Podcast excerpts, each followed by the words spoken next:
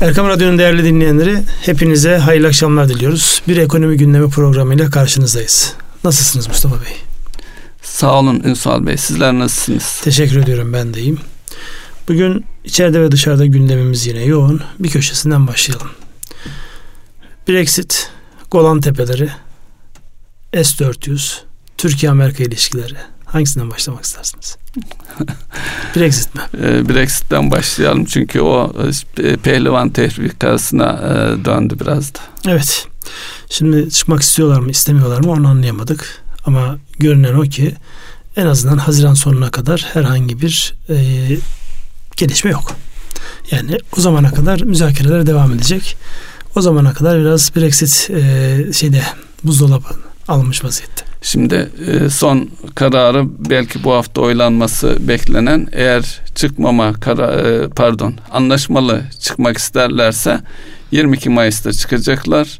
Anlaşması buna evet demezlerse de 12 Nisan'da çıkacaklar diyorsunuz. Son şey bu. Hatta bu AB içerisinde de bir çatışmaya neden olmuş. Merkel, o zaman Haziran'a kadar ertelenme sadece hükümete evet, verilmiş bir yetki gibi evet, duruyor. Tamam. Merkel e, Macron'u tarih karşısında e, suçluluk hissedeceği e, noktasında bir ifade kullanmış. Yani medyaya yansıyanlara baktığımızda İngiltere Başbakanı ile alakalı da çok acımasız ağır eleştiriler var. Bu işi beceremediği, yüzüne gözüne bulaştırdığı şeklinde. Dolayısıyla daha çok e, su götürür bu hamur. Onun için Brexit izlemeye devam edelim. Yansımaları, yansımalarına baktığımızda özellikle para piyasasında euro dolar kurunda geçen haftayla karşılaştığımızda çok önemli bir değişiklik yok. Sadece e, Fed'in yapmış olduğu açıklamadan yani faiz arttırmama kararından dolayı orada e, herkesin şunu yapmaya çalıştığı, kendi parasını güçlü tutmaya çalıştığı, güçlü tutulan parayla da dış ticaretteki pozisyonları ayarlamaya çalıştığı gibi bir sonuç var. Bu konuda ne demek istersiniz? FED ne yapmaya çalışıyor? E, FED e, bir kere hiç kimsenin beklemediği derecede yani e, faizin artması artmayacağı noktasında herkes hem fikirdi. Ancak hiç kimsenin beklemediği boyutta güvercinin güvercini gibi bir ifade kullanıldı. Şöyle bir yaklaşım içerisinde değerlendiren kişiler şu şu an Fed'in aldığı karar Amerika'nın kendi gerçeklerinin ötesinde dünya gerçeklerini göz önüne alarak yani FED sadece ben Amerika'nın Merkez Bankası yanı sıra tüm dünyanın Merkez Bankasıyım e, şeyiyle mantığıyla karar verdiği ifade ediliyor. Bunu da az önce konuştuğumuz e, tehditler olarak dünyadaki tehditler olarak bir Brexit'i söylüyorlar. İkincisi Çin'deki har tüketim harcamalarının son 16 yılın e, en düşük seviyesine geldiğini ve Çin'deki bu yavaşlamanın tüm dünya ülkelerine, Amerika'ya, Avrupa'yı herkesi etkileyeceğini söylüyorlar. Tabi buna bağlı olarak da yine AB'deki, Avrupa'daki yavaşlamayı e, öne sürüyorlar. Dolayısıyla bu e, gerçekler ışığında Amerikan Merkez Bankası'nın da dünyadaki bu yavaşlamayı göz önüne alarak hareket ettiğini söylüyorlar ki e, zaten e, FED Başkanı da bu yıl içerisinde herhangi bir Amerika'da durgunluk beklemediğini e, ifade etti. O zaman kısa kısa bir iki soru sorayım. Altın altın fiyatları niye yukarı gidiyor? Şimdi eğer e, kurlar üzerinde bir karşılıklı savaş çıkacaksa e, altın güvenli bir liman olacaktır. Tek açıklaması evet. bu mudur? Yani bir tanesi budur. Bir tanesi, bir tanesi de güçlü olan bu diyorsunuz. Güçlü olan bu. Tabi ekonomik şeyler yanısında şey de var. Hegemonik savaşlar da olduğu için e, altın her zaman para eden, para edecek bir güç daha artar mı? Çünkü insanlar ülke içinde de dışarıda da altının daha artıp artmayacağını konuşuyorlar. Onu da kimse bilemez herhalde. Yalnız e, elimizdeki verilerle altın artar da azalır da veya herhangi bir fiyatlama noktasında da hiç kimseye bir mesaj verecek şeyimiz yok. Onu da vurgulamış olalım. Onu kesinlikle vurgulamamız gerekiyor. Burada çünkü söylemiş olduğumuz hiçbir şeyin yani yatırımcı tavsiyesi anlamında değil bu. Yani insanlar eğer bir şeye yatırım yapacaklarsa onu birebir çalıştıkları uzman kişilerden hangi yatırım aracıyla ilgileniyorlar, hangi vadede ilgileniyorlar, ellerindeki kaynağın vadesini ve miktarını onu konuşarak ayarlamaları en doğru hareket. Burada e, diğer bir başlık e, petrol parça parça gidelim ki ondan sonra asıl konuşacağımız konulara gelelim. Şimdi petrol deyince yine Amerika'yı konuşuyor olacağız. Bir anda dünyanın en büyük petrol üreticisi haline geldi ve bunun da artarak devam edeceğini çünkü OPEC e, çatısı altında değil yani e, OPEC çatısı altında ortak bir takım kararlar alınabiliyor ama Amerika bunun dışında dolayısıyla kendisi istediği gibi üretimi artırıp azaltabiliyor. Dolayısıyla fiyatlardaki oynamamanın sebebi Amerika'nın tamamen pozisyonu alışıyla alakalı. Evet ve stok seviyeleri 67 68 dolara oturdu Brent petrol. Dolayısıyla bundan sonraki dönemde bizim açımızdan baktığımızda peki petrolün bu fiyatta olması ne anlam ifade ediyor? Ee, bu fiyatta olması e, bizim sürdürülebilir bir e, şeyimiz açısından makul diyebiliriz. Bilmiyorum siz ne düşünüyorsunuz? Ya bu fiyatlar benim açımdan da yani baktığım yerden de bak, e, değerlendirdiğimde evet olabilecek en makul rakamlar. Çünkü 89-90 dolarları gördük. 40 dolarlar hatta biraz da altını gördük. İkisi de bizim açımızdan e, olabilir bir hadise değil. Çünkü petrol üreticisi ülkelerle ticaretimiz var. Yani ister Rusya olsun ister güneyimizdeki ülkeler olsun. E, onun haricinde e, maliyetlerimize çok girdi büyük bir girdi olarak petrol fiyatları var. Yani stabil çok fazla oynamayacak. insanların fiyatlama yapacağı e, noktalarda belirsizliğe sebep olmayacak fiyatların hepsi bence kabuldür, makuldür. Onun için bu fiyatlar evet. fena görünmüyor. Arz yanı sıra dünyadaki e, ekonomik yavaşlama endişeleri de e, petrol fiyatlarını aşağı doğru baskılıyor.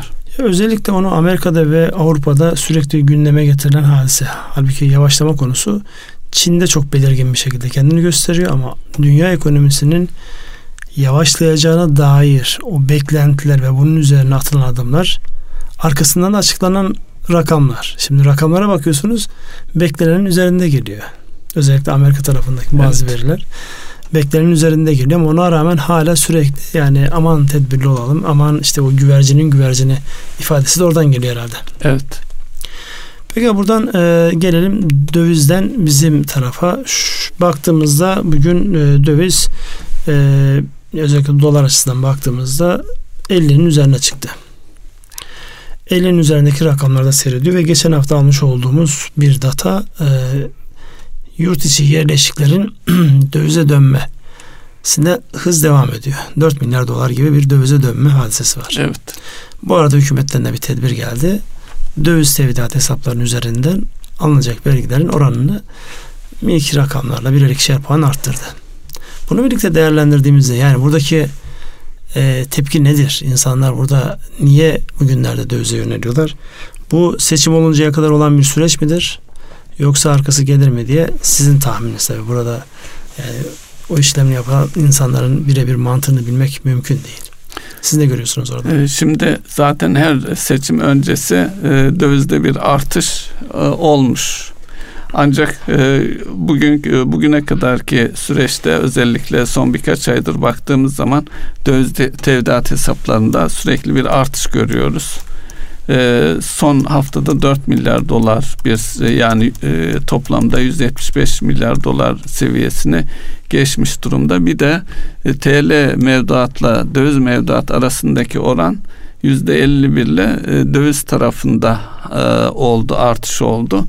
Tabii e, şu da var. Bu döviz tevdiat hesapları niye artıyor? E, hane halkı e, büyük oranda e, şu ana kadar ki şeyde 100 milyar dolarlık bir seviyeyi aşmış durumda. Hane halkı döviz almaya devam ediyor. Ee, tabii son haftadaki artışlara bakınca TL mevduatta da artış var. Sanki e, yastık altından veya başka kaynaklardan geliyor Yastık diye altı mı yoksa bu kredi mevduat bağlantısı yani o da var. Çarpan etkisinden gelen bir hadise. O mi? da var. Bir tanesi o. Bir tanesi de e, Şubat ayının ortasından itibaren özellikle kamu bankalarının öncülüğünde piyasaları rahatlatma adına ve e, ekonomiyi canlandırma adına kredi e, miktarındaki artış onların öncülük ettiği bir artışa e, diğer e, özel bankalarda dahil oldu. Dolayısıyla aşağı yukarı 70 milyar dolar 70 milyar TL'nin üzerinde bir kredi büyümesi gerçekleşti. Neticede mevduatı artıran şeylerden bir tanesi de bu. Tabi burada e, kredi verildiğinde tekrar bankaya mevduat mı olur diye bir şey düşünülebilir ama para bankadan çıktıktan sonra kredi olarak çıktı, çıksa bile neticede e, piyasada dolanıp herkesin ihtiyacını karşıladıktan sonra yine bankaya dönecektir. E, yine o dönem mevduatta tekrar kredi büyümesini destekleyecektir. O açıdan bakın, bakıldığında ekonominin veya bankacılık sisteminin pozitif yönlerinden biri olarak da vurgulayabiliriz sanıyorum. Şimdi burada e, insanların dövize yönelmesinde baktığımızda biz mevduat tarafını görüyoruz. Bir de e, ülkenin yurt dışından borçlanma enstrümanlarından bir tanesi olan Eurobondlar var. Eurobondlar açısından baktığımızda tabii ülkenin şu anki özellikle kurumsal yatırımcıların çok önem verdikleri rating şirketlerinin notundan baktığımızda orada biraz risk primimiz yukarıda. Yani bir yıllık Eurobondlarda 4.82 oradan başlıyor 5.13'lere gidiyor 2 yıl olduğunda daha uzun vadeli yani şu an bizde çok ıı, kulağımız alışık olmayan 15 yıl, 20 yıl, 30 yıl vadelilere baktığımızda %7'lerin üzerine çıkıyor buranın getirisi. Dolayısıyla insanlar açısından baktığımızda yani insanlar e, eğer faizle alakalı bir şeyleri yoksa, çekinceleri yoksa, bu anlamda herhangi bir şeyleri yoksa alternatif anlamında en önemli e, yatırım yapılabilecek yani döviz anlamında yatırım yapılacak yerlerden bir tanesi de devletin borçlanma kağıtları. Dolayısıyla yani bir taraftan kızıyoruz insanlar niye dövize dönüyor diye ama bir taraftan da biraz pozisyonumuzdan dolayı şu an ülkenin kaynağı ihtiyacı olmasından dolayı e, yurt dışından borçlanmalarımızda yani hatırı sayılır bir e, getiri var orada. Bunu nasıl değerlendirmek lazım? Yani insanlar bunu görüp de Türk lirası mevduata dönerler mi? Hane halkı açısından belki bunu söyleyemeyiz ama e, şirketler açısından eğer bir şirketin e, döviz borcu varsa veya ticari olarak ithalatı ihracatı varsa tabii olarak e, elindeki TL kaynağı o ihtiyacını düşünerek e, döviz satın alıp DTH olarak beklemesi kendisini koruma açısından doğru bir davranış Ya da Eurobond olur. olarak alması. Ya Eurobond olarak kendisini herhangi bir e, e, araçla e, koruma altına alabilir. Hedging dediğimiz e, şey e, mantık çerçevesinde. Ama onu çok fazla bilmeyiz. Koruma diyebiliriz işte. Yani koruma, koruma adı altında yani insanlarımız çok fazla bilmedikleri işlere giriyorlar. Yani orada biraz e, gerçekten Ama koruma olup bir, olmadığını bakmak lazım. Bir işlem yoksa o e, korumada değil tamamen spekülasyon kumar oluyor zaten. diyorsunuz. Evet. Bir anlamda kumar oluyor.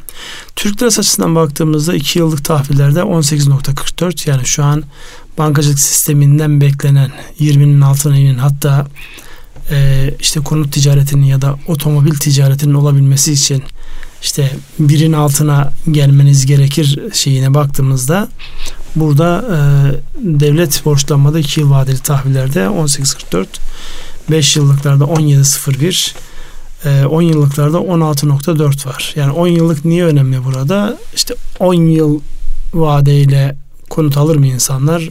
Bu oranlardan alır mı insanlar? Açısından önemli göstergelerden bir tanesi. Ama uzun vadeye baktığımızda finansman giderlerinin daha aşağı geleceğine dair burada güçlü İşaretler. göstergeler var. Güçlü göstergeler var ama bunlar henüz daha yani devletin buradan borçlandığı ortamda özel sektörün minimum burası ve üzeri var. Buradan borçlanarak yatırım yapmayacağını, yapamayacağının da göstergesi bir anlamda aslında bu. Onun için temennimiz, dileğimiz bu oranların bir an önce insanların yatırım yapabileceği seviyelere gelmesi, makul seviyelere gelmesi, yatırım yapma konusunda insanların iştahının artması beklenen. Gelelim içeriye. Ee, evet dışarıda konuşmadığımız bir şey kaldı mı? Ee, Şu Golan Tepesi, Golan Tepeleri ve orada Trump'ın yine e, her zaman olduğu gibi sinirleri bozan, bütün dünyanın bir anlamda dikkatin üzerine çekmeyi becerdiği bir mevzu. Yani 40 e, yıldır 50 yıldır 50 yıldır 50 yıldır konuşul yani konuşulan ama en azından insanların e, pozisyonlarında çok değişiklik yapmadığı yeri burası sizin hakkınızdır aslında siz artık bunu hak ettiniz bunca sene beklediniz var bir açıklama bütün dikkat oraya çekiyor. Zaten aramız bu S-400'lerden dolayı gergin. E, bizi de çok yakinen ilgilendiren aynı coğrafyada bulunduğumuz bir alan. Dolayısıyla bundan sonraki özellikle bu Golan Tepesi S-400 Amerika ile olan ilişkiler bizim şu an çok fazla konuşamasak dahi herhalde üzerinden fazla kafa yoracağımız başlıklardan bir tanesi. Çünkü bizim özellikle seçim sonrasında toparlanmanın hızlanmasında en önemli ihtiyaç duyduğumuz unsurlardan bir tanesi kaynak, dış kaynak. Ee, yurt dışı basından bir yerde gördüm. Özellikle hatta orada bir biraz da ironi de var.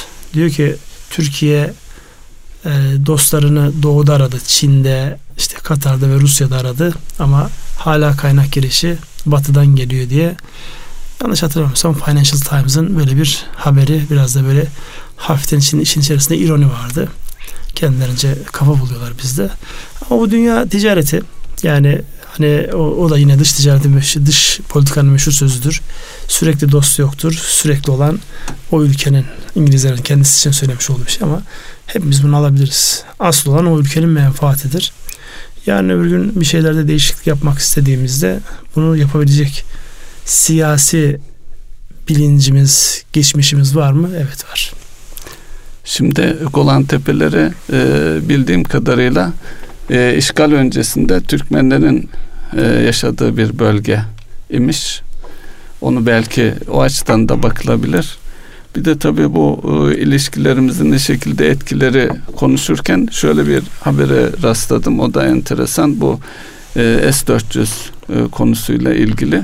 Türkiye'nin 5-10 e, yıl sonrasını düşündüğümüz zaman e, Türkiye ile mutabıkız gibi bir e, ifade var. Bir Amerikan e, yöneticisinin. Eski Genelkurmay Başkanı'nın yapmış olduğu şey bu, var. E, bugün Süreç zor ama uzun vadede biz mutabıkız yani o anlamda problem yok gibi. Dolayısıyla sesimizi çıkarmayacağız anlamına mı geliyor şu anki S-400? Yok bunları böyle diye. tam e, o ifade kullanılamaz. Çünkü ben şunu gördüm e, dış politikada her malzeme her dönemde kullanmaya elverişli.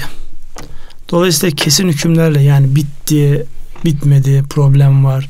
Bu gibi ifadeler kullanmak doğru değil. Herkes elindeki kartı oynayacak. İşte bunun ekonomiye yansımaları bu anlamda. Çünkü herkes şu an bizim özellikle Amerika ile sonra da Almanya ile olan ilişkilerimize bakıyorlar. Karşılıklı söylemlerimize bakıyorlar. Ona bakarak ülkenin ihtiyaç duyduğu kaynak nereden gelir diye bakıyor. Ama bir taraftan da yine sevindirici olan bir hadise. Türkiye'nin orada cidden gerçek bir net duruşu var. Doğu Akdeniz'deki petrol ve doğal gaz yatakları ile alakalı dün Yunanistan'dan gelen bir açıklama vardı. Türkiye'nin orada hakkının olduğunu görüyoruz, kabul ediyoruz. Dolayısıyla bu anlamda yani o ifadede mutabakata varacağız. Ya da uzun vadeli menfaatte yani sizi kenara ittik denilemeyeceğini, o güç göstermenin oralarda da işe yarayacağını çok net bir şekilde görmek gibi bir şey var. Bilmiyorum yani benim okumalarım bu anlamda e, çok negatif değil. Herkes temkinli konuşuyor.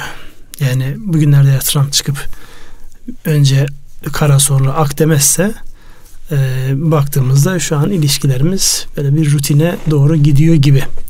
Ama tabii seçim sonrasında bizim gerçekten çok yoğun bir şekilde iş adamlarımızla, finansçılarımızla dünyanın dört bir tarafından buraya kaynak getirecek, yatırım yapabilecek atakları yapıyor olmamız asıl olandır.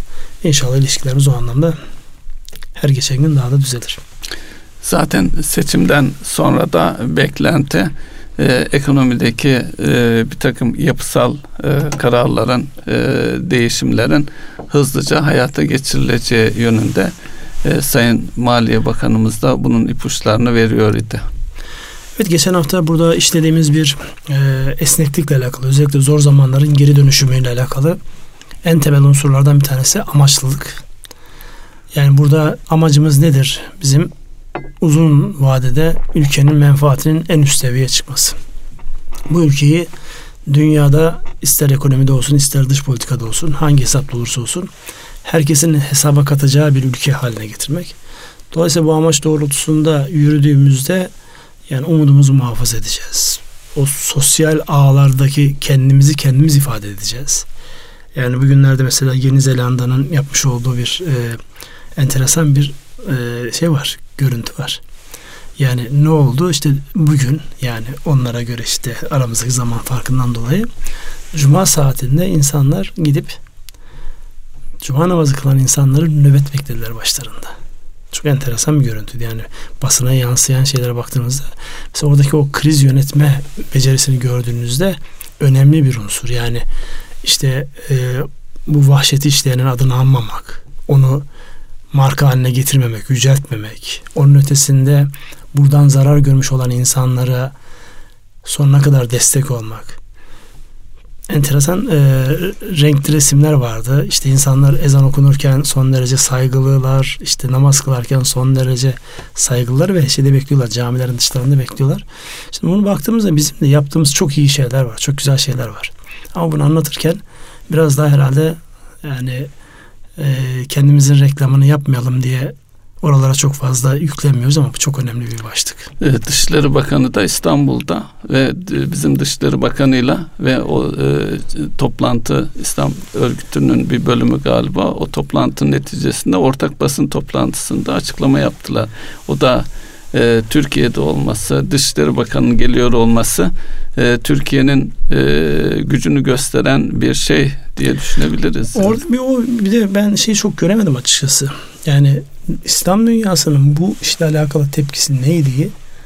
Yani biz mi kaçırdık yoksa bir tepki mi olmadı? Yani çok böyle net, belirgin olsa kaçırmazdık. Belirgin bir e, hadise olmadı. Otomatik olarak Türkiye zaten şu anki dönem başkanlığı sebebiyle de e, bu anlamda bayraktarlığını yapıyor. Gerçek anlamda da zaten böyle. Onların da mesela ben orada dikkat çekmek istediğim hadise şu.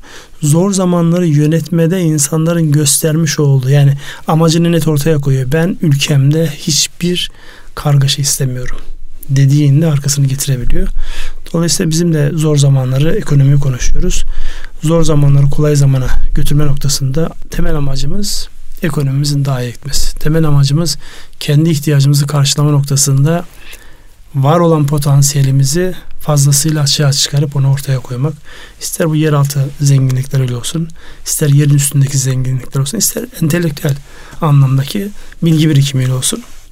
Hep söylüyoruz yani bizim belli sektörlerdeki yetişmiş insanımız dünyayla şu an kafa kafaya rekabet edebilecek durumda. Onu biraz daha organize ederek o kaynakların ısraf olmaması anlamında el birliğiyle çalışma ihtiyacımız var.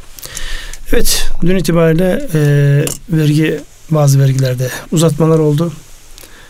E, onlara biraz değinelim. Bunlar piyasaya nasıl yansıyacak? Çokça yorum yapılan konu başlıklarından bir tanesi bu.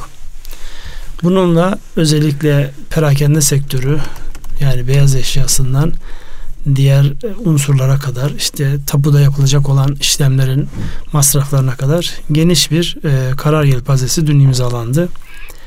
Bunun yansıması nasıl olur konusunda biraz değerlendirme yapmanızı rica ediyorum. Şimdi önemli kararlardan bir tanesi otomotivdeydi. Otomotivdeki e, ÖTV ve KDV indirimleri e, bu ayın sonunda bitiyor idi. E, Haziran sonuna kadar uzatıldı. Bu iyi bir karar çünkü otomotivde e, ciddi bir üretici ve ihracatçıyız. E, iç piyasaya baktığımız zaman e, Ocak ayına göre e, 15 bin civarında e, otomobil satılmış. E, bu Şubat'ta 25 civarında yani şu ana kadar 2 ayın e, 40 binler seviyesinde. Ama üretim tarafına baktığımız zaman üretimde aşağı yukarı 106 bin adet ihracat yapılmış. 119 bin adetlik üretime karşılık. Ama geçen yılın üretim miktarıyla bakıldığında aşağı yukarı 22 bin adetlik bir e, küçülme var. Yani otomotiv e, e, ihracatımız üretimimiz e, önemli kalemlerden bir tanesi. Bunu muhafaza edebilmemiz gerekiyor. Sadece ihracata yönelmek yetmiyor. Yet, e, içer iç piyasada yeterince bir talep olması lazım. E, çünkü beğenilmez seviyede markalar var ve ülkemizde de üretim yapıyor ve bu üretimin e, daha sonraki yeni e, modellerin üretim üssü olabilme adına da Türkiye'nin e, bu noktada e, piyasasının canlı olmasına ihtiyaç var. Bu tabi e, ne kadar etkiler bilmiyorum ama olumlu etkileyeceği kesin. E, belki de büyük bir ihtimalle yıl sonuna kadar da uzatılabilir. E, bunu makul ve doğru bir karar olarak dikkate almamız gerekir. Bir e, diğer e, kalemde e, beyaz eşya ve e, şeyde e, mobilyada da aynı şeyler söz konusu. Oradaki indirimler de uzatıldı. Özellikle beyaz eşyada ve mobilyada e, mevsim olarak da bahar mevsiminin işte insanların evliliklerin falan arttığı bir dönem olarak dikkate alırsak e, oradaki oradaki canlandırmayı da e, devam ettirecek diye bakabiliriz. Ee, siz ne dersiniz? Buradan konutlara geçelim mi? Evet konuta Ünsal geçelim. Konutta da e, yine konutta bir takım e, hem KDV teşvik hem de tapu harçlarına ilişkin teşvikler vardı. O da yıl sonuna kadar uzatıldı konutta. Tabii konut sektöründe, inşaat sektöründe e, ciddi bir küçülme var. Orada e, hareketlilik gerekiyor. Finansman açısından da zaten az önce de değindiniz finansman maliyetlerinin makul seviyeye gelmesi lazım ki hareket e, sektör hareket edebilsin. Hatta bununla ilgili uzman bir banka kuruldu. Emlak e, Katılım Bankası. Onun ne şekilde bir rol e, alacağını e, bekliyor olacağız. E, bir de şunu sorguluyor e, insanlar. Şu anki konut fiyatları en düşük seviyesi midir sorusu sorulabilir. Bu da önemli bir soru. Ee, yani konut ihtiyacı olanlar açısından her ne kadar e, aylık ödemeler bazında bakıldığında finansman maliyetleri aylık ödemeler makul seviyelere çekecek noktada değil. Ama e, parası olanlar açısından, parası ve ihtiyacı olanlar açısından e, konut almak belki de en makul dönem diye bakabiliriz. Şimdi burada bakmamız gereken en temel unsurlardan bir tanesi bir konutun metrekare maliyeti. Şimdi maliyetler açısından baktığımızda şu an piyasada bir dönemde yani maliyetlerin 3 katı, 4 katı, 5 katına kadar çıkan fiyatlar vardı. Şu an öyle bir fiyat var mı? Varsa da o fiyattan satabilen var mı? Evet. Burada bir yani gerçekçi davrandığımızda oluşan maliyetleri satılabilecek en makul rakam açısından arsa payı hariç. Çünkü bizde bir dönemde arsa fiyatları inanılmaz yukarıya çekti. Çok artmıştı. Ve bu arsa fiyatlarının yukarıya çekmiş olması e, bütün zaten o gayrimenkuldeki değerlenmenin fiyatlarının yukarı gitmesi anlamına da geliyordu. Dolayısıyla şu an baktığımızda e, en azından metrekare satış fiyatları açısından baktığımızda benim şahsi kanaatim yani tam alınması gereken döneme yaklaşıldı. Çünkü maliyetin altında evet sıkışmış, paraya ihtiyacı olan, mecbur kaldığı için satan, e, borçlarını ödemek için satan olur yani onu her zaman arasanız bir şekilde bulursunuz da ama genele baktığımızda şu an satış fiyatlarıyla maliyetler arasında korelasyon anlamında e, son derece makul bir döneme girildiği görülüyor. Bugünlerde insanlar tabii finansman pozisyonuna da bakarak şu anki finansman oranları hala bu anlamda yani insanların iştahını kabartmıyor. Zaten e, bu anlamda otoritenin de yapmış olduğu açıklama vardı sene içerisinde birin altına inecek bu oranlar diye. Dolayısıyla şimdi ben konut alacaksam bu oranı da duymuşsam eğer bu anlamda Ama şey indiği zaman fiyatlar ne olacak? İşte tam da onu söyleyecektim. Evet insanlar şu an bunu alınca beklemeye girecek tekrar. Orada söylenmesi gereken en temel nokta hep böyle olmuştur. Geçmişte de böyle olmuştur. Finansman makul hale geldiğinde bu sefer insanların öteledikleri o maliyetleri ve bekledikleri karlılıkları fiyatlara yansıtmaya başlıyorlar. Dolayısıyla değerlendirme yapılırken finansman biraz daha aşağı gelecek diye bekleyip cazip fiyatları kaçırmak gibi bir ihtimal var. En azından o ihtimali göz önüne alarak insanlar düşünsünler derim ben de. Bu arada inşaat maliyet endeksi açıklanmış idi bu hafta Ocak ayında. Orada da yüzde 6,49 oranında bir artış var. Yani yeni yapılacak konutlarda maliyetler artacak. Ee, bunu da e, bakmak lazım. Tabii konut alacak kişiler için açısından da nerede oturacakları önemli. Eğer oturmayı, konut satın almayı hedefledikleri yerdeki e, imkanları yani e, konut arzına da gelecekte ilave konut yapılacak alanlar mı diye belki bakarlarsa o da e, bir anlam ifade edebilir. Evet. Oradan e, güven endeksine geçelim hazır buraya gelmişken çünkü insanların e, güven endeksi anlamında Mart ayında ne çıktığı sorusunun cevabını bir bakıp yürümemiz icap eder. Ee, yorum yapacak mısınız? Ben e, rakamı söyleyeyim, yorumu size bırakayım Ünsal Bey. E, bir önceki ay Şubat ayında 57.8'de Mart ayında 59.4'e çıktı. Yani e, 2.9 oranında bir güven endeksinde artış var. Bunun anlamı şu. Yani Temmuz'dan başlayan kırılma yani o e, döviz hatağıyla başlayan 72'lerden başlayan kırılma en son 57.6'ya kadar gelmişti. Bu hem 10. ayda yaşadığımız hem Şubat ayında yaşadığımız iki başlık. Tekrar oradan yukarıya doğru dönüyor olması insanların artık özellikle bu seçimden sonraki süreçte tekrar biraz da sıkılmış olmaktan kaynaklanan ve öbür taraftan da adı üzerinde güven endeksi ben piyasaya dönerim. Dolayısıyla dertlerimden, kaygılarımdan e, kısmen kurtulduğum gibi. Alt başta baktığımızda asıl oradaki rengi orada net bir şekilde görüyoruz. Genel ekonomik durum beklentisiyle alakalı algıda bir düzelme var. Hanenin gelirlerinde bir düzelme var. Ama bir tarafta işsiz kalmayla alakalı negatiflik devam ediyor. Nötre yakın bir negatiflik var orada. Bir de tasarruf etmeyle alakalı insanlar yani bu gelir düzeyi benim tasarruf etmemi sağlamaz diyor.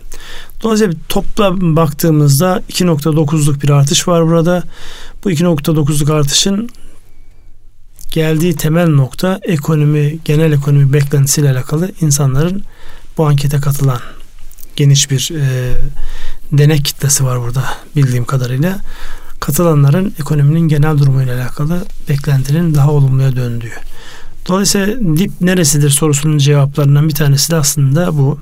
Artık bireyler yani dip burasıdır diyorsa hatta Şubat ayıdır. Yani dönme noktası Şubat evet. ayı dip ondan sonra üstüne çıkıyoruz artık. Dolayısıyla e, buradan baktığımızda e, artık insanların ekonomik anlamda hareketleneceği bir döneme giriyoruz diyebiliriz. En azından başlangıç itibariyle geçen gün diğer verilerle de bunu benzer şeyler de söylemiştik.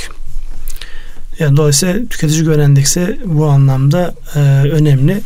Bu nereye etkileyecektir? Özellikle beyaz eşya başta olmak üzere mobilya gibi işte bu vergiyle alakalı uzatmaların da yapıldığı sektörlerde insanlar beklentilerini sonraya bırakmayıp hafif hafif almaya başlayacaklar. Bir de önümüz artık bahar. Ee, Ramazan öncesi ve Ramazan sonrasında artık yeni düğünler ve yeni yuva kurulmaları, insanların kendileriyle alakalı bazı şeyleri yenilemeleri Dolayısıyla algının düzelmesi, güvenin bir anlamda tazelenmesiyle beraber orada bir kıpırdanma olabileceğinin sinyallerini buradan görüyoruz. Sizin ekleyeceğiniz ne var burada? Ee, evet, e, e, yani pozitif bir yöne doğru gidiyoruz. Pozitif yöne doğru gidiyoruz diyorsunuz. Peki bundan sonraki özellikle geçen hafta konuştuğumuz e, bu psikolojik sermaye ve zor zamanlarda insanların nasıl dönüşü sağlayacağı ile alakalı baktığımızda işletmeler tarafında yansıyan bazı şeyler var. Bunu e, almış olduğum bazı e, tepkiler var. Yani olayı şöyle bakmamıştık. Bunun burada bir etkisinin olacağını böyle düşünmemiştik e, ifadeleri var. Özellikle esneklik konusunda yani insanların e, duygusal anlamda mukavemetinin sadece bireysel anlamda mukavemetinden bahsetmiyoruz. Sosyal anlamda mukavemetinden bahsettiğimizde insanların e, havayı çok hızlı değişmiş gördüğünde öteledikleri ya da karamsar baktıkları şeyden hemen hızlıca dönebileceklerinin işaretlerini de görüyoruz. Yani önümüzde işte 8 gün kaldı. 8 günden sonraki süreçte seçimler, seçimden sonraki oluşacak tablo. Baktığımızda bu netice itibariyle bir mahalle seçimi. Çok önemli. Her seçim önemli. Siyasetin bir unsur olarak. Çünkü daha sonra e, çıkacak sonuçların çokça yorumu yapılıyor.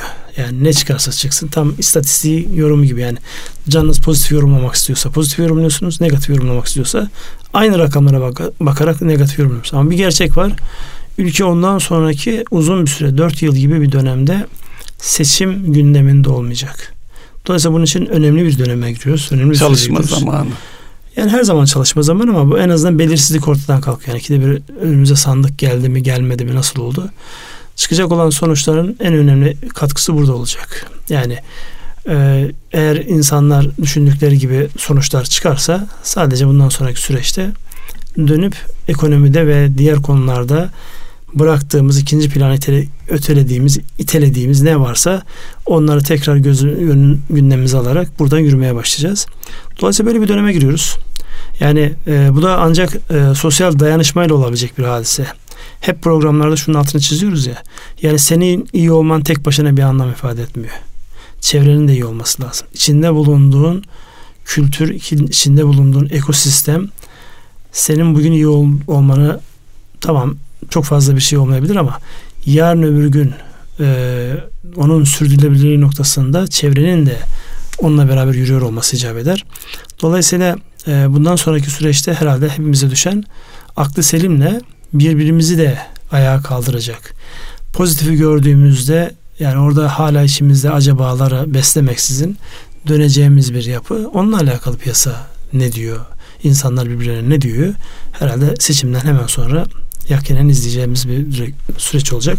Yani 7-8 gün daha biz bunu bekleyeceğiz öyle gözüküyor. Evet. Öyle Çünkü hala insanlar konuşurken e, yani hele şu bir geçsin, hele şu bir geçsin artık şu hele şu geçsin şeyinden e, sıkıntı geldi yani. Dönüp işimize bakmamız. Sanki bir adet gibi. Hele bir seçimi görelim falan gibi de. Ya bu ne takvimlerin olduğunu... verilmesi bir taraftan iyi. İnsanlar işte hedef odaklı gidiyorsun. Yani belli bir takvimi geçme ama buradaki beklenen belirsizlik. Yani belirli hale gelsin. Ya tamam işte yani önümüzde dört sene seçim yok belirli artık yürü demekten başka akla bir şey gelmiyor. Evet. Dolayısıyla pozitif tarafta kaldığımız müddetçe e, yapacak çok şey var aslında. Hem firmaların içerisinde bu e, psikolojik sermaye e, vurguladığımız sizin özellikle altını çizdiğiniz e, yaklaşımı firmalar kendi içerisinde özellikle yöneticiler dönüp baksalar e, hem e, içeride neler yapılacak satışından e, lojistiğine kadar e, böyle bir bakış açısıyla yönetmeye e, yaklaşıldığında neler olur?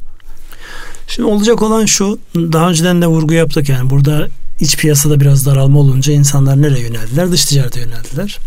Şu an bakıyorum bütün meslek örgütleri, iş adamları, dernekleri neresine bakarsanız bakın bir ihracat seferberliği ve ihracat bilgisini arttıracak eğitimlere çok önem verilmiş. Onu görüyorum.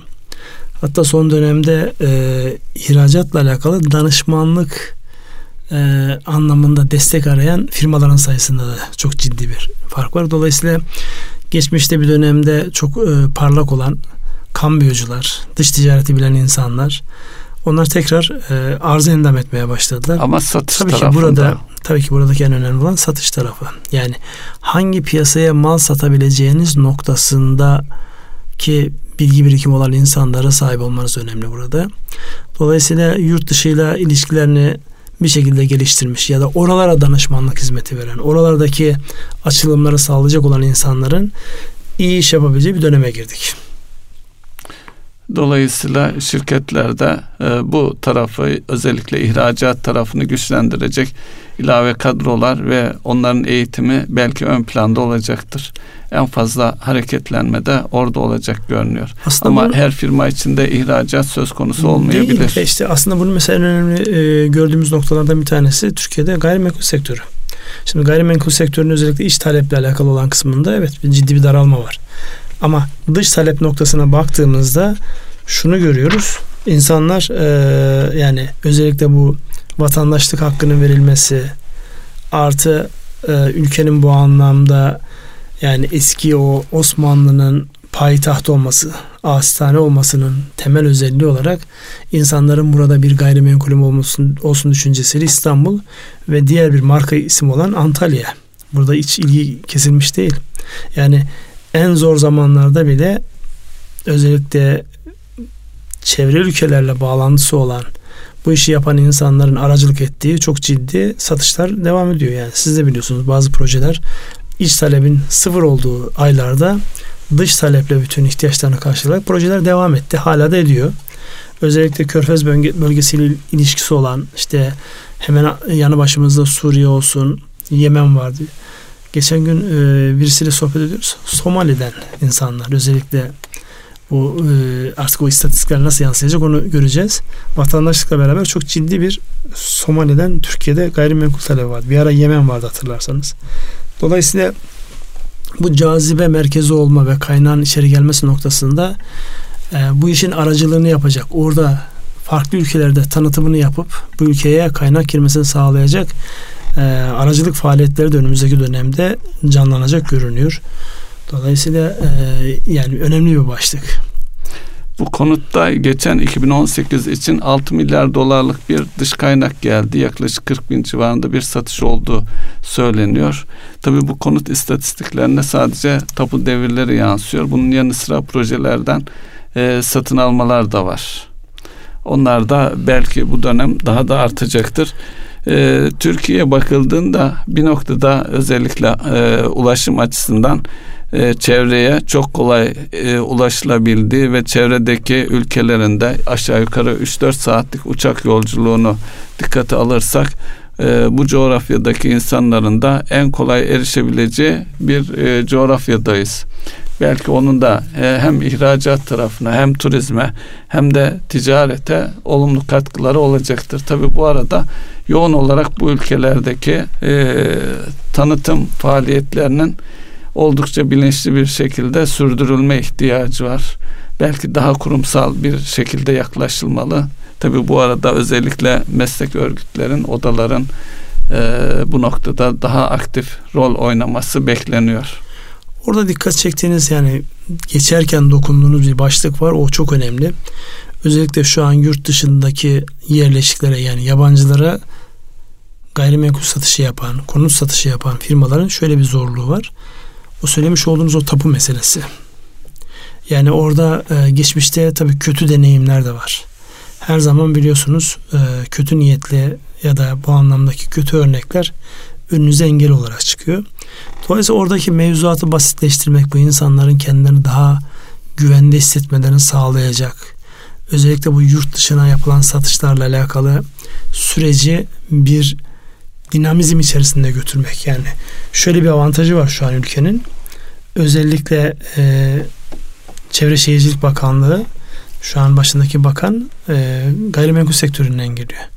Dolayısıyla oradaki arz talebin ve hassasiyetleri bilen bir kişi olarak yurt dışından Türkiye'de bu anlamda gayrimenkul almak isteyen insanların kendilerini güvende hissedecekleri, oradaki çıkabilecek aksaklıklara hızla müdahale edebileceği ile alakalı bir çalışmaya ihtiyaç var. O yapıldığında ben öyle tahmin ediyorum ki bu mekanizma gayrimenkulden gittiğimiz için söylüyorum hızlanacaktır.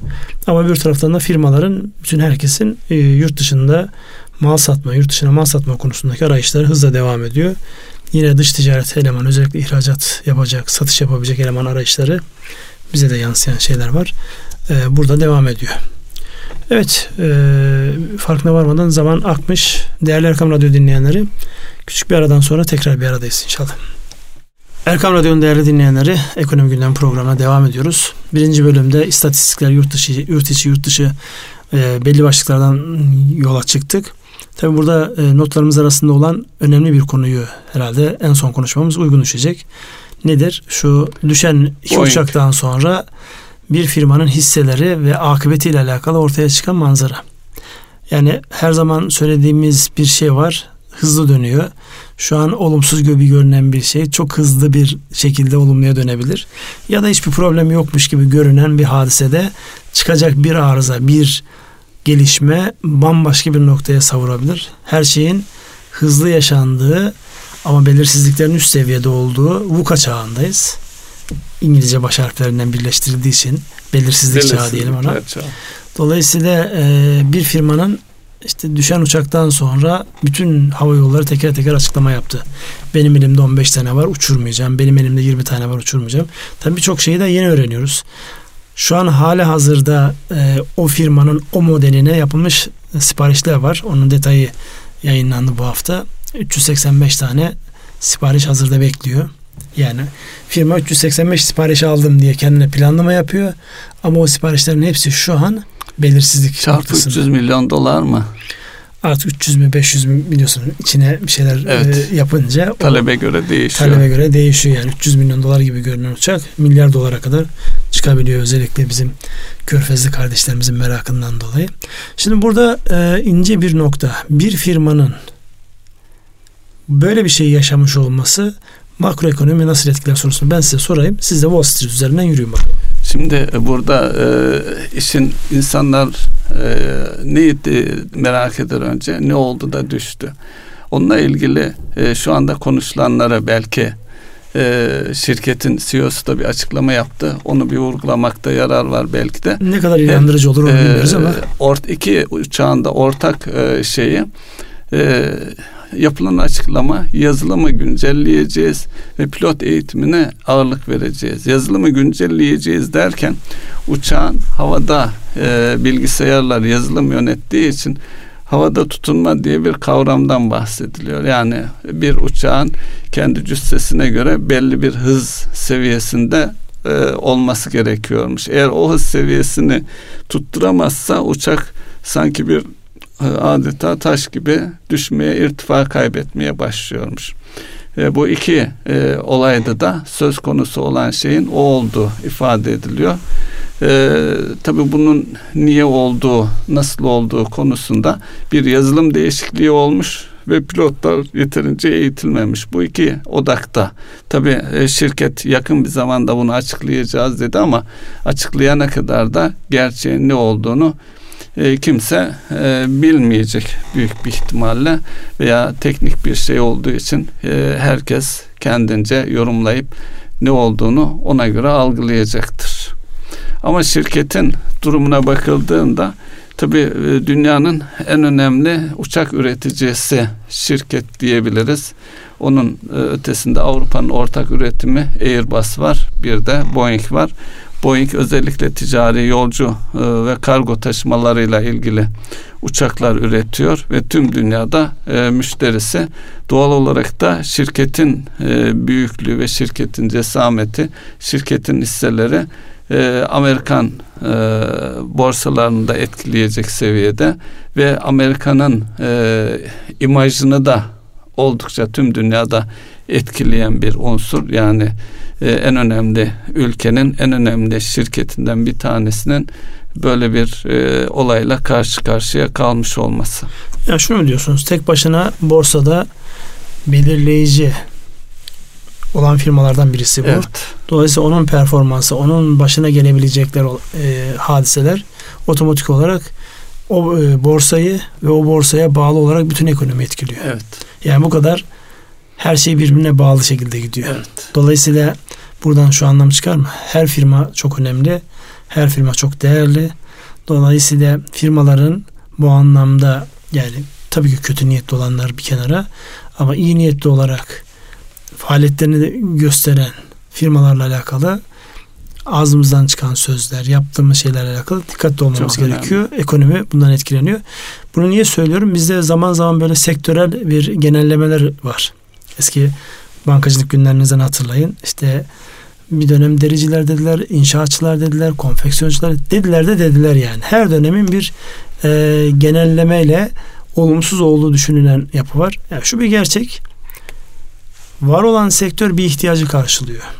Yani dün iyi olan sektör bugün kötü olmaz. Evet bugün bazı şeyler istediği gibi gitmiyor olabilir.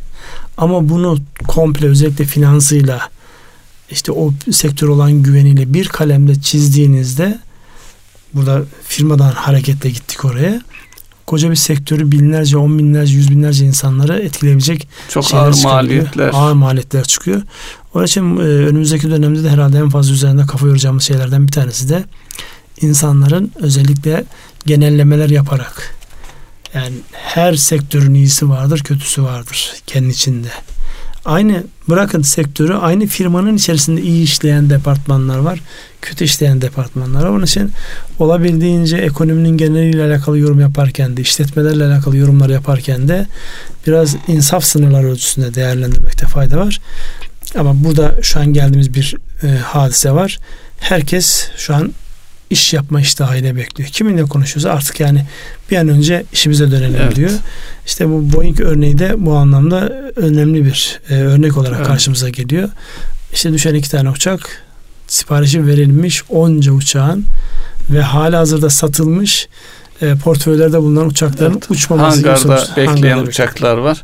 Benzer bir olayı da zaten e, Fed'i konuştuk Ünsal Bey. Bunun hatırlarsanız Fed'in e, U dönüşü yapmasına neden olan şeylerden bir tanesi de e, Apple'ın son çeyrek satışlarındaki dramatik bir düşüşte başlayan ve Apple hisselerindeki e, aşırı düşüşle birlikte başlayan bir süreçti. Amerika'daki borsaları olumsuz etkilediği için e, oradan tetiklenen bir hareket var. Hatta şu son e, Fed'in güvercinden güvercin ifadesiyle aldığı kararlardan e, mesnetlerinden bir tanesi de bu yavaşlama eğer e, Amerikan hisse senetlerine yansırsa oradaki kayıplarda e, ekonomilerine oldukça maliyetli olacağı tolere edemeyecekleri düşüncesiyle de bu kararları alıyorlar. Yani bir tane şirket deyip geçmemek lazım. Dolayısıyla kelebek etkisi mi e, diyeceğiz ona artık. Yani kelebek etkisi çünkü burada e, özellikle söylemiş olduğunuz firma dünya borsa tarihinde trilyon dolar geçmiş değerde bir şirket. ilk ve tek şirket bugüne kadar. Dolayısıyla oradaki çakılma, oradaki olumsuzluklar her tarafı etkiliyor. Hatırlarsanız bir .com e, macerası vardı. Yani bir dönemde işte böyle .com diye uzanan evet. internet sitelerinin çok büyük paralar ettiği bir dönem yaşandı ve orada ciddi patlamalar oldu. Dolayısıyla ne oldu? Geçen zaman içerisinde tekrar yani o itibar farklı şekilde yerine kondu ama onlarca yüzlerce firma özellikle Amerikan menşeli onlarca yüzlerce binlerce firma battı göçtü gitti onlara bağlanan paralar da yok oldu. Bu dönem e, herkesin birbirine o anlayış göstereceği ama öbür tarafta rekabetin acımasız olduğu bir dönem. Bugünlerde elimde bir e, kitap var. Orada bolluk paradoksu diye bir kavram var. Yani bir şey gidiyorsun markete gidiyorsunuz. Yani bir çeşit işte bisküvit ya da kraker alacaksınız. Yani bir tane alacaksınız. Önünüze 60-70 tane çeşit geliyor. Farklı markalar, farklı özelliklerde olan şeyler. Dolayısıyla insanların yani konfor için yapılan şey seçmeyi zorlaştıran bir hadiseye dönüşüyor. Almadan çıkıyorsunuz o zaman. Ya o kadar olmasa bile yani o kitapta bir şey örneği var yani. Ee, ben diyor uzun süre giydiğim kot pantolonun yerine bir kot pantolon alacaktım. Gittim alamadan geri çıktım gibi bir şey var. Çünkü o kadar çok alternatif, o kadar çok çeşit söylediler ki kafam karıştı geri çıktım. Dolayısıyla rekabetin de bu kadar yoğun olduğu bir ortamda yani kötü niyetli olanlar hariç zaten ayakta kalmanın zor olduğu bir ortam. Eskiden rekabet içeride yaparken şimdi dünya ile rekabet ediyorsunuz. Adını sanını bilmediğiniz ülkelerden rakip firmalarınız geliyor. Dolayısıyla herkesin elindeki her değere sıkı sıkıya yapışacağı, onu yücelteceği, onun iyilikleriyle övüneceği, kötülüklerine üzüleceği bir döneme de giriyoruz açıkçası. Ürün gelmese de sipariş verip internetten tek bir pantolonu bile dünyanın herhangi bir yerinden satın alma imkanı var bugün için. Var tabii ki. açısından. Var tabii ki. Onun için elimizde üreten yapılarımıza değerli olan yapılara bu anlamda sahip çıkmak, onları koruyup kollamak, onun üzerinde e, biraz daha kafa yormakta fayda var diyoruz. Sizin ilgi alanınız olan teknoloji ile alakalı bir şey var. E, telefonlarda sim kartlar kalkacakmış. Hayırdır ne oluyor? Ee, şimdi telefonlara e, taktığımız bir sim kart vardı. Buna ihtiyaç duyulmuyor artık. Şimdi eski bankacı olduğumuz için bankacılıkta da kredi kartları var. O da benzer sim kart, kartlar kullanan e, NFC diye bir teknoloji var. Dolayısıyla bu teknoloji sayesinde artık sim karta gerek kalmadan dünyanın herhangi bir e, operatöründen e, onun müşterisi olup anlaştığınız zaman gidip onun e, dükkanından kart almaya ihtiyaç duymaksızın e, o e, bilgiyi, o çipteki bilgiyi e, telefonunuza indirip o telefon şirketinin müşterisi olabileceksiniz. Yani kartı o söktüm boyutu... bana kimse ulaşamaz diye bir muhabbet artık yok, yok artık. Yok. Evet. Farklı bir şeye geçiyoruz. E, kart bozuldu, sim kart bozuldu diye de bir şey yok. Hani e, donduğunda çıkartıp takardık filan artık. Bunların hepsi tarihe karışıyor. Anladım. Yani yeni sürpriz gelişmeler hep kapıda hep gelecek. Teknoloji, Teknolojiyle her beraber şeyler gelecek. getiriyor. O da tabii şu an var olan birçok sektörü belki yok edecek. Belki yerine yenilerini getirecek. Öyle mi? Belki dükkanlara ihtiyaç kalmayacak. E, bir e, arkadaşımla konuşuyordum. Restoranı e, olan bir arkadaşım. Şeyle paket servisi dükkandaki ciroyu geçmiş Bu da enteresan bir gelişme. Artık herkes Sıradan her bir restorandan şeyi, bahsediyorsunuz bir restorandan bahsediyorum. Yani zincir falan değil. Değil, tek başına. değil. Enteresan. Evet. Bu arada biz süreyi yine bitirdik. Söyleyeceğiniz ilave bir şey var mı? Ee, bayağı bir konuştuk bugün. Erkam Radyo'nun değerli dinleyenleri bir ekonomi gündemi programının daha sonuna geldik. Değinebildiğimiz konular oldu, değinemediğimiz konular oldu. Sürçü lisan eylediysek affola. Hepinize hayırlı akşamlar diliyoruz. Hayırlı akşamlar.